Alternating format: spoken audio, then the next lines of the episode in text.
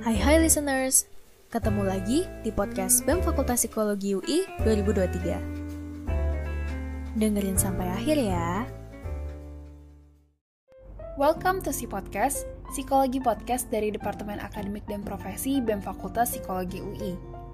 Di podcast ini kita bakal bahas seputar psikologi, terutama terkait akademik dan profesi. Um, terus ini tadi masih pre-departure. Sekarang Hmm. ya udah nyampe nih di Korea nih. tiba-tiba gitu. Kita di Korea nih.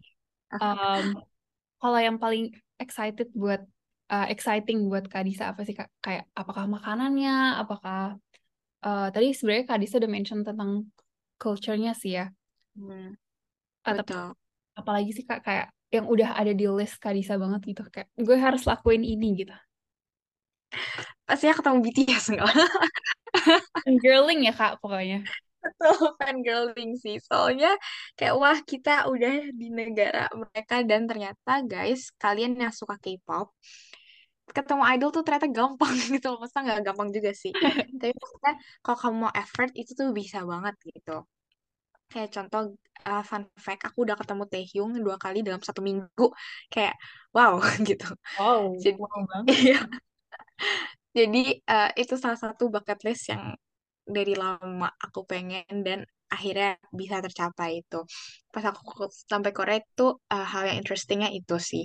Tapi hal lain yang em, lebih seriusnya adalah eh, ya aku bisa kayak ketemu orang dari beragam negara dan bisa kayak dapet point of view baru karena ya da- dari aku lahir sampai aku sekarang kan itu di Indonesia. Jadi kayak pemikirannya tuh kurang lebih sama kan. Karena ya kita di grow up in the same culture. Paling ya mungkin beda ethnicity beda culture dikit gitu. Tapi maksudnya in general apalagi aku kayak mostly di Jakarta gitu kayak mesti sama. Terus akhirnya aku di sini di mana di KU itu banyak banget seperti yang aku udah mention itu international students. Jadi kayak aku bisa kenal teman-teman dari negara lain dan aku bisa kayak dapet hal-hal yang so far aku bahkan tiga minggu tuh kayak oh ternyata kayak gitu oh ternyata kayak gini. Dan kayak pemikiran aku tuh jadi lebih kayak open dan pokoknya banyak banget wawasan baru yang aku dapat hanya dari kayak everyday conversation itu tuh salah satu hal yang aku exciting juga. Tapi ya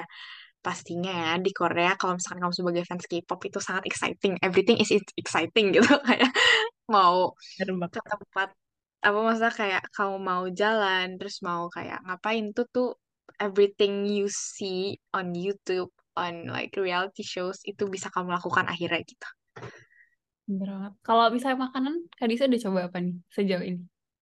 sejauh ini aku kayak belum terlalu banyak ekspor makanan ya karena kayak masih cukup menghemat ya karena kayak Tapi awal-awal banget nih. betul gak mau kayak nanti tiba-tiba tiga bulan ke depan aku kayak bokeh gitu kan jadi untuk makanan eh, aku udah nyoba em, paling yang biasa-biasa aja sih yang kayak street food kayak tteokbokki, kimbap dan eh, makanan-makanan Korea lain terus em, tapi kayak aku nyoba misalkan kayak kimbap di beberapa restoran gitu. Dan mungkin yang salah satu juga yang aku ter- melimitasi aku dalam eksplor makanan adalah eh, sebagai Muslim kan kita nggak bisa makan babi ya tapi ini kan bukan negara Islam gitu jadi kayak banyak banget makanan yang ada babinya. Jadi kayak eh, emang cukup eh, ini yang mungkin cukup harus diketahui bahwa emang mostly makanan tuh ada babinya jadi kayak eh, kalau misalkan kamu Muslim memang eh, mungkin pilihan kamu jadi lim- lebih limited tapi nggak berarti dikit juga gitu Bener sih.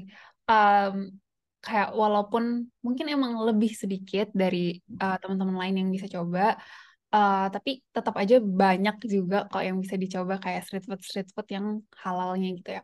Hmm, benar Tapi kalau Kak Disa udah cobain kayak ala-ala ke convenience store-nya gitu nggak? Oh iya, bener kok lupa ini sih. Tapi bener banget convenience store here is just like on another level. Kayak di setiap convenience store, kamu akan nemu menemukan microwave literally di setiap convenience store microwave dan yang kayak kalau misalnya kamu lihat TikTok TikTok tahu gak sih yang kayak minuman di saset terus ada esnya. Oh my God. ya itu itu juga ada di mana-mana. Kayak mau convenience store di sini tuh ada namanya CU terus ada Sevel juga uh, terus ada GS25 itu tuh semua tuh ada microwave dan uh, segala macam. Jadi mereka selalu kayak sediain kayak kimbap terus uh, samgak kimbap. Samgak kimbap tuh kayak onigiri gitu. Terus bento yang bisa kayak dan makanan-makanan instan lainnya yang beneran ya udah kamu cuma perlu air dan microwave. Dan mereka juga nyediain air panas gitu. Jadi uh, di sini tuh convenience store tuh emang udah kayak instant eh masa kayak makanan yang gampang dan yang mungkin cukup enak juga dan cukup affordable gitu untuk kita. Dan juga oh yang aku juga pengen uh, highlight dari apa hal yang interesting di sini adalah kalau kamu ke restoran itu mereka selalu give free water. Jadi di restoran mana pun mau restoran Korea mau restoran uh, bakery gitu, mereka tuh selalu nyediain gelas antara gelas plastik eh biar jarang sih mereka gelas plastik tapi kayak gelas beneran atau enggak gelas kertas dan ya udah mereka punya dispenser jadi kalau misalkan kamu ke restoran atau ke kafe itu kamu bisa pilih beli makanan doang gitu. Terus nanti minumnya dapet free water gitu jadi itu enak banget. Itu selain menghemat uh, pengeluaran, kita juga menjadi didukung untuk hidup lebih sehat ya Kak, dengan dengan betul. hal gitu. Bukan bener. minuman manis atau minuman lainnya gitu. betul banget. Iya jadi kayak dan itu bisa refill berkali-kali gitu. Jadi emang it's just a culture here gitu yang aku kayak sangat amazed By the way banget ngomongin yang convenience store tadi, itu kan kayak super lengkap ya. Kayaknya Hmm. alpha psikologi need to step up their game deh. I know right kayak they need to have like microwave Ya itu kayak ada, ada sih microwave, coba kayak ada ya cuman kayak kalau kamu minta kan iya bener. Kayak mungkin pilihan makanannya bisa di lebih divariasikan agar lebih cocok dengan mahasiswa. benar Begitu aku baru sadar agak apa gak apa deh. Gak Biar, biar ada improvement tiba-tiba jadi betul convenience store di Korea gitu kan. benar iya tiba-tiba kayak kamu bisa bikin ramen sendiri gak ada yang tahu Dari tahu. gak ada yang tahu Oke, terus tadi Kak, Kak Disa juga mention tentang fangirling. Aku mau bahas tentang fangirling ini. aduh ini akan jadi sesi yang sangat mengekspos aku ya Gak apa, ini kayaknya sesi yang paling ditunggu-tunggu sih menurut aku kayak. Hmm, tadi tuh udah mention ya Kak, udah ketemu Taehyung dua kali dalam waktu tuh cuma kayak kurang dari seminggu gitu. Eh, mungkin bisa diceritain tuh Kak, kayak awal mulanya ketemu tuh kayak gimana? Yang paling berkesan buat Kak Disa. Oke, jadi so far aku tiga minggu di sini. Di dua minggu pertama aku nggak ketemu siapa pun. Karena mungkin di situ tuh aku lagi pengen kayak cuman explore uh, tempat dan uh, adaptasi tentang kampus. Terus tiba-tiba di minggu terakhir kayak eh masa di minggu akhir-akhir ini tiba aku ketemu Taehyung dua kali dalam seminggu. Terus kemarin juga aku sempat melihat New Jeans dan Akmu. Jadi kayak wow, tiba-tiba bertumpuk. Terus juga pas lihat Taehyung aku ketemu Park Seo Joon, Choi Woo Sik, terus banyak Kang ya. Daniel itu kayak wow gitu. Jadi em, tapi so far dari semua itu yang paling interesting bagi aku adalah saat pertama kali ketemu Taehyung. Karena kayak itu tuh sangat impromptu dan kayak wah gila dia beneran ada di depan mataku gitu. Jadi ceritanya adalah eh ini aku nggak apa-apa cerita aja ya. Gak apa, apa, beneran Kak. Oke. Jadi eh, ceritanya adalah mm, aku tuh bangun terus kelas kayak biasa. Terus kayak ya udah kayak aku plan tuh kayak pulang terus ngerjain tugas gitu. Tapi Kirain bakal jadi kayak hari-hari betul biasa ya Kak. bener ternyata tidak kayak Ya tidak. tiba-tiba kayak wow. Jadi terus kayak pas aku kelas kedua tiba-tiba temanku bilang eh BTW eh, nanti kalian ke Songsu nggak? Songsu tuh jadi tuh kayak eh, nama jalan, nama daerah di mana kayak banyak kafe gitu. Pokoknya kayak eh, daerah kafe gitu deh intinya. Terus kayak kalian ke Songsu nggak? Eh, gue denger-dengar ada Taehyung nanti di situ. Aku kayak ah demi Oh apa? my God. Gitu. Oh my god, demi My time apa? to shine. Ya it's my time to shine, it's my time to meet Taehyung gitu. Jadi kayak eh, terus kayak demi apa? Terus ternyata jadi em, ada sebuah brand namanya Noise. Dia tuh buka pop-up store di eh, di Songsu. Dan Noise itu brand ambassador itu Park Sojun. Dan sepertinya Park Sojun itu mengajak teman-temannya yaitu Choi Woo-sik, terus uh, Big Boy dan Taehyung gitu ke acara tersebut gitu. Terus kayak aku kayak oh jam berapa? Terus ah nggak tahu jam berapa soalnya nggak dipublikasiin. Jadi kayak aduh ikut gak ya ikut gak ya tapi pada saat itu ya udah akhirnya aku memutuskan untuk sama temenku ya udah kita gas aja langsung jadi habis itu habis kelas kita makan, terus habis itu kita langsung ke Songsu berdua doang. Terus karena temanku yang tadi bilang itu, itu tuh uh, dia ada kelas dulu, pokoknya akhirnya dia nyusul, terus di situ udah rame orang-orang nunggu dan udah ada di barricade gitu. Terus akhirnya uh, pas di situ ya udah uh, aku nunggu aja, terus pada saat aku nunggu akhirnya udah dikasih tahu kalau misalkan di Twitter tuh udah tersebar kalau ada influencer kayak nge-share gitu kalau misalkan acaranya dimulai jam 7 dan di situ aku udah di situ dari jam 3 jadi kayak ya udah aku berdiri aja di situ nunggu. Terus habis itu di saat udah jam limaan Park Seo tiba-tiba datang gitu terus Kang Daniel segala macam dan kayak mereka berani kayak cuma 5 meter dari aku. Terus kayak pas Taehyung itu Taehyung tuh sebenarnya masih rumor kayak kita nggak tahu dia datang atau enggak. Karena uh, kayak belum ada kepastian aja gitu kalau misalkan dia emang udah masuk listnya gitu list tamunya gitu. Terus uh, pada saat jam uh, 7 mulai Taehyung belum ada Choi Woo-sik juga belum ada gitu. Terus awalnya tuh di depan aku tuh ada uh, army-army lain gitu. Jadi aku tuh kayak baris kedua dari depan dari barricade gitu. Terus kayaknya mereka tuh kayak oh ya udah Taehyung gak ada datang nih gak datang nih gitu. iya mereka udah pasrah. Terus mereka pulang. Bahkan temanku yang dua itu kan udah oh ya ada Sehun juga gitu. Temanku tuh mau datang karena ada Sehun. Jadi kayak uh, ya udah kira kayak Sehun juga udah balik. Eh Sehun udah datang terus kayak bla bla bla bla bla. Terus setelah Sehun balik orang tuh kayak udah pada kayak aduh ngapainnya? gitu. Karena di situ tuh banyak juga XLL gitu. Terus akhirnya army depanku tuh nyerah gitu karena kok Taehyung gak datang datang akhirnya mereka pulang. Terus tapi aku tuh kayak aduh kok aku feeling kayak aku nggak boleh nyerah di sini ya? gitu. Kalaupun misalkan gak ada Taehyung kayak aku tuh udah udah gak kepo gitu loh. Kayak what if kayak gak ada what if what if ya. bener. Nah itu kayak don't regret the things you did but regret the things you do gitu. Iya bener-bener betul. Kayak kalau misalnya aku nggak lanjut nunggu terus Taehyung ada gimana gitu kan. Jadi aku kayak ya udah nggak apa-apa aku lanjut berdiri meskipun kayak udah berdiri berapa jam gitu. Terus nggak lama kemudian kayak literally 10 menit setelah orang depanku pergi tiba-tiba ada mobil. Terus kayak ya ah, itu. Apa nih gitu kan terus kayak aku kok aku tuh jadi aku tuh agak jauh gitu. Jadi dari tempat mereka jalan itu tuh ketutupan fans-fans gitu. Tapi kayak aku tuh di barricade di ujungnya gitu. Jadi kalau misalkan mereka udah melewati fans itu aku tuh bisa lihat jelas gitu.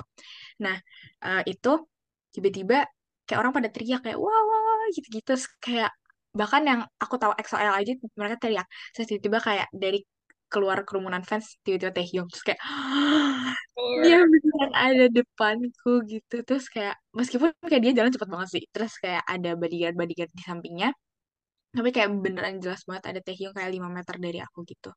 Terus ya udah itu adalah pengalaman fangirling yang menurut aku so far paling mengesankan. Dan hal yang bikin mengesankan juga ya itu kayak tadi aku bilang kayak ternyata ketemu idol tuh bisa banget di sini ya. Kayak kalau di Indo kan kita harus nunggu nunggu mereka datang ke Indo kan.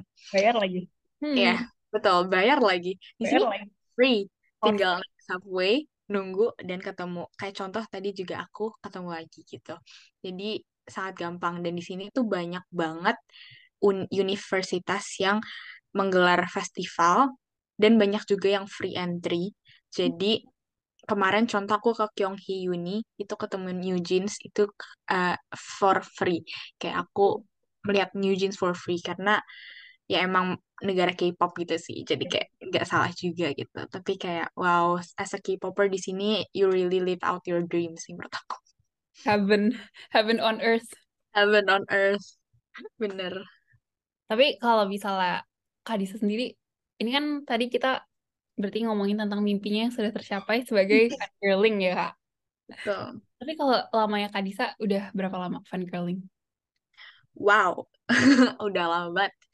Aku kayaknya I was born to be fan girl sih, jujur. Oh dari SD tuh aku udah fan girl apalah One Direction lah inilah itu tapi ya kan kayak kayak semua orang tuh punya fase One Direction sih nggak pasti sih tapi mostly ya Enggak. tapi kalau aku fans K-pop itu udah dari aku kelas 6 SD kayaknya itu tuh berarti aku kan sekarang tahun keempat berarti 4 tambah 3 7 tambah 3 lagi 10 tambah Oh. 1 11 tahun memulai perjalanan fangirl ini dan never have I ever imagined akan ketemu Taehyung dua kali seminggu gitu Dan dengan jarak yang dekat for Betul. free. for free Tapi kalau misalnya waktu di Indo pernah udah pernah konsernya belum? Kayak BTS sekali kan ya? Sekali berapa kali? Iya, BTS itu sekali Wings Tour pas 2017, tapi sebelumnya 2015 mereka pernah ada fan meet di Kokas. Dan aku ikut yang fan meet itu. Jadi sebenarnya sebelumnya aku udah pernah ketemu Taehyung. Dan fan meet itu kita high touch, jadi kita tosan sama member BTS. Jadi kayak, oh my god, aku pernah tosan dengan semua member BTS gitu. Itu tuh aku ikut. Tapi sedihnya pas Wings Tour itu, aku tuh tiga hari sebelum UN SMP. Nor. Jadi aku nggak dibolehin sama orang tua aku, terus kayak sedih banget nggak dibolehin sama ibu aku yang sekarang jadi army gitu. Jadi kayak, "Mm, kenapa gitu? Kenapa nggak jadi army dari dulu gitu? Gitu. Betul. Jadi aku nggak lihat yang Wings Tour, jadi makanya kayak dari 2015 aku nggak pernah lihat BTS lagi. Terus baru kemarin, tapi yang konser Yoongi aku ikut gitu. Hmm. Tapi ya udah kayak selama di Indo tuh ketemu idol tuh sangat sulit. Sulit ya. Apalagi kalau sekarang mereka udah mulai pada wamil gitu kan ya. Mm, betul. Sedih. No, itu adalah kesedihan kalau misalnya stand boy group atau eh boy group lah. Bener-bener. yang kayak udah mulai wamil gitu ya. Oh, ini pasti kayak semua para army di sini yang mendengarkan pasti kayak no, that should be me gitu kan. Betul. Walaupun mungkin kayak kalau Kadisa sendiri udah ke delay ya ketemu. Harusnya kan bisa 2017 tapi baru ketemu lagi di 2023. Ya tapi Oh, bayar ya kak. benar. Tiga, enam tahun yang sangat terbayar.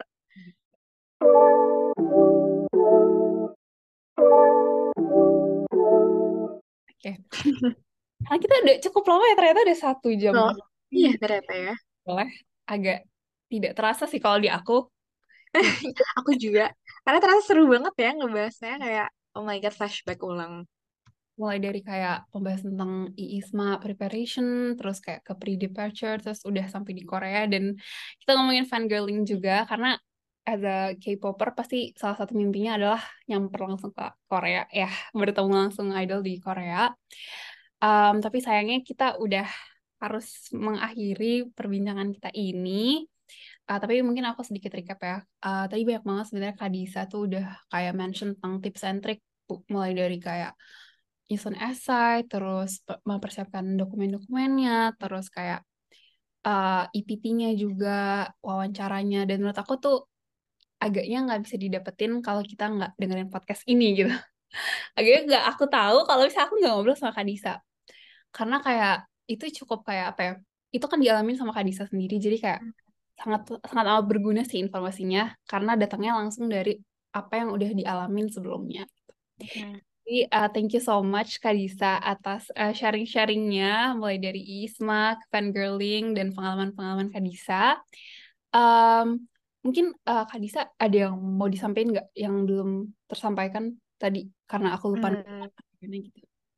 hmm, so far udah sih, tapi mungkin kalau misalkan emang ada yang pengen disampaikan lagi, kayak untuk self doubt selama pendaftaran ISMA dan selama kayak kamu mikirin kayak bahkan misalnya pendaftaran belum dibuka itu self doubt itu sangat mungkin. Jadi aku kalau misalnya ada teman-teman yang emang dengerin banget sampai akhir ini, hal yang menurut aku pengen harus banget di highlight adalah believe in yourself. Everyone is unique. So stop comparing yourself to others. Karena kalau misalkan kamu mencari orang yang achievementnya lebih banyak, achievementnya lebih keren bagi kamu mungkin, pasti banyak. But ISMA is not about that. It's not about siapa yang punya awards paling banyak, siapa yang uh, udah jadi ambasador sana-sini. Tapi siapa yang paling bisa trust in themselves dan percaya kalau misalkan mereka bisa uh, explore the world dan bisa membawa Indo uh, ke ranah luar gitu. Jadi yang paling pengen aku highlight adalah please don't doubt yourself dan semua orang itu beda dan kalian punya kelebihannya kalian masing-masing gitu. Jadi menurut aku itu penting banget untuk uh, diketahui dan dipercayai pastinya. Bener banget. Mungkin itu jadi uh, jadi closing statement dari Kak Disa kali ya Kak. Dan pesan juga buat teman-teman semua yang dengerin, uh, jangan kayak mungkin uh, agak inevitable kali ya Kak kalau misalnya kayak self doubt, tapi mm, betul. Di, ditekenin lagi aja Kak. Jadi kitanya uh, diubah lagi mindsetnya kalau misalnya semua orang punya uh, kelebihannya masing-masing dan juga uh, rezeki nggak nggak akan ketuker juga ya oh, kak. Jadi kayak, betul banget. Aja. Sama Isma ini aku belajar bahwa emang Tuhan pun udah punya jalan dan jalan tersebut adalah jalan terbaik untuk kita. Benar, benar, benar. Jadi itu yang harus dipercaya dan diyakini dalam-dalam oleh diri kita. Oke, okay, last but not least, aku mau ngucapin lagi sekali lagi terima kasih sebanyak-banyaknya buat Kak Disa yang udah mau sharing. Um, ini kayak kita udah lama banget guys kita ngobrol ya. Terus um, banyak banget yang bisa diambil. Tapi mungkin kalau misalnya teman-teman listener di sini ada yang masih pengen ditanya lagi nih ke Kak Disa, mungkin boleh reach uh, Kak Disa lewat mana nih Kak? Lewat Instagram aku, boleh banget. Tapi gimana ya aku nyebutinnya, aku spelling aja kali ya. Oke, jadi Instagram aku itu D I S A Y U S R S W T. Kok aku jadi lupa ya, tapi itu Instagram aku. Dan uh, mungkin kalau misalkan mau DM aku, jangan lupa ini disclaimer adalah kalian langsung uh, kasih tau aja ya kayak, halo kak aku ini, aku pengen tanya tentang Isma karena uh, biar aku tahu nih kalian intensinya apa gitu. Dan I, I would love to help you guys. Jangan pernah segan. Kalau misalkan mau nanya banyak, mau nanya ratusan pertanyaan juga gak apa-apa karena I would really love to help. Banget guys. Jangan lupa kalau misalnya mau reach Kalisa, uh, perkenalan dulu biar Kadisa juga tahu kalian itu siapa dan uh, kasih clear intention kalian tuh mau tanya-tanya tentang Isma jadi Kadisa juga nggak nggak bingung ini orang ngechat gue tapi ditungguin nggak tahu nih dia mau ngechat apa oh. gitu Oke deh kalau kayak gitu mungkin kita akhiri podcast ini dan sampai jumpa di podcast-podcast selanjutnya. Dadah. Dadah. Segitu dulu perbincangan kita kali ini. Stay tune untuk episode selanjutnya. Bye bye.